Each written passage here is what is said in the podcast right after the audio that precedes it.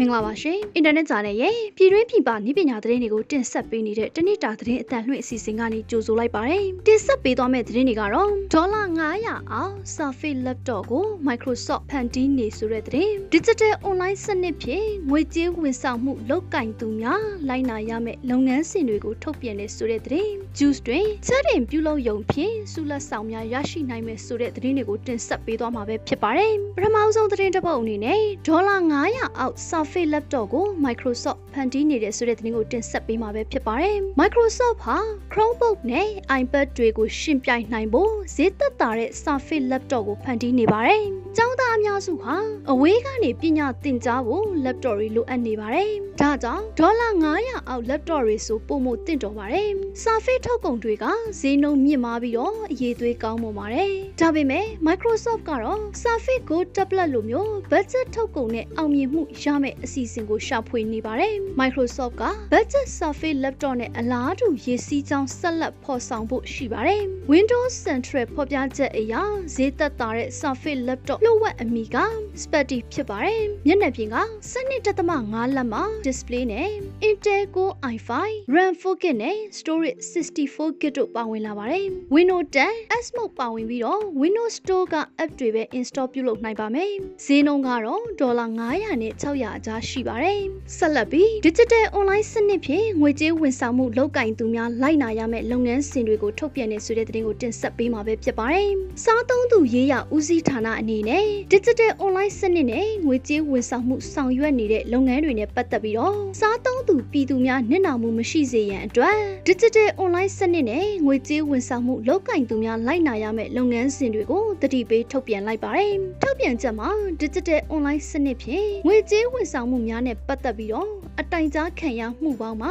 2019အောက်တိုဘာကနေ2020ဇူလိုင်လအထိအမှုပေါင်း100ရှိခဲ့ပြီဖြစ်ကြောင်းနစ်နာဆုံးရှုံးမှုဖြစ်ရမှုအပေါ်ကိုသက်ဆိုင်ရာအဖွဲ့များနဲ့ညှိနှိုင်းဆောင်ရွက်စူးစီးသုံးသပ်ရမှာ Digital Online စနစ်ဖြင့်ငွေကြေးဝန်ဆောင်မှုနဲ့လုပ်ကိုင်နေကြတဲ့လုပ်ငန်းစဉ်များကိုလိုက်နာဆောင်ရွက်ရန်ထုတ်ပြန်ခဲ့တာပဲဖြစ်ပါတယ်။ Digital Online စနစ်နဲ့ငွေကြေးဝန်ဆောင်မှုနဲ့လုပ်ကိုင်နေကြတဲ့လုပ်ငန်းတွေအနေနဲ့မှတ်ပုံတင်ထားတဲ့စင်ကတ်နဲ့သာ Digital Online Pay အကောင့်ဖွင့်လှစ်ခွင့်ပြုရန်အကောင့်ဖွင့်ချိန်မှာမှတ်ပုံတင်ဒါမှမဟုတ်အခြားသက်သေခံအထောက်အထားနဲ့လိုင်စင်ပုံတောင်းခံရန်နိုင်ငံသားစီစစ်ရေးကပ်ပါအမိနဲ့သာအကောင့်ဖွင့်ခွင့်ပြုရန်ငွေလွှဲသူနဲ့ငွေလက်ခံသူတို့မှမှတ်ပုံတင်ရယူစစ်ဆေးရန်ငွေလက်ခံသူရဲ့ငွေထုတ်ပေးမဲ့ agent ထံနိုင်ငံသားကပ်မူရင်လှုပ်ဝက်ကုန်နဲ့ transition ID နံပါတ်တို့ကိုပြသစေရန်ငွေလွှဲသူကိုယ်တိုင်လှုပ်ဝက်ကုတ်ရိုက်ထည့်စေရန်ပြဋ္ဌာန်းထားတဲ့စည်းကမ်းတွေကို Facebook page များသာမကဘဲနဲ့အများပြည်သူများသိရှိနိုင်စေရန်မီဒီယာများက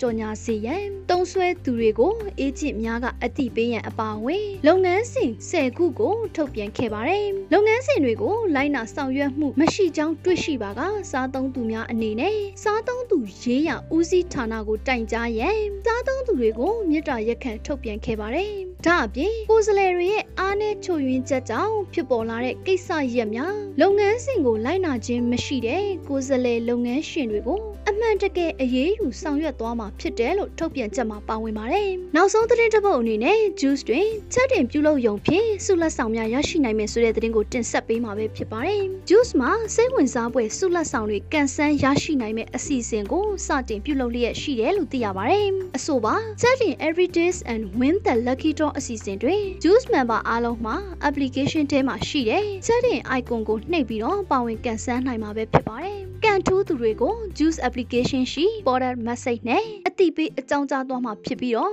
စုကန်ဆန်းမဲ့ရရှိသူတွေဟာ Juice မြန်မာ Facebook page ချက်ပေါက်တို့ဓာတ်ရိုက်လာရောက်ဆက်သွယ်ကထုတ်ယူနိုင်မှာပဲဖြစ်ပါတယ်။ဆုလက်ဆောင်တွေအနေနဲ့ iPhone 11 128GB တသိန်းကျပ်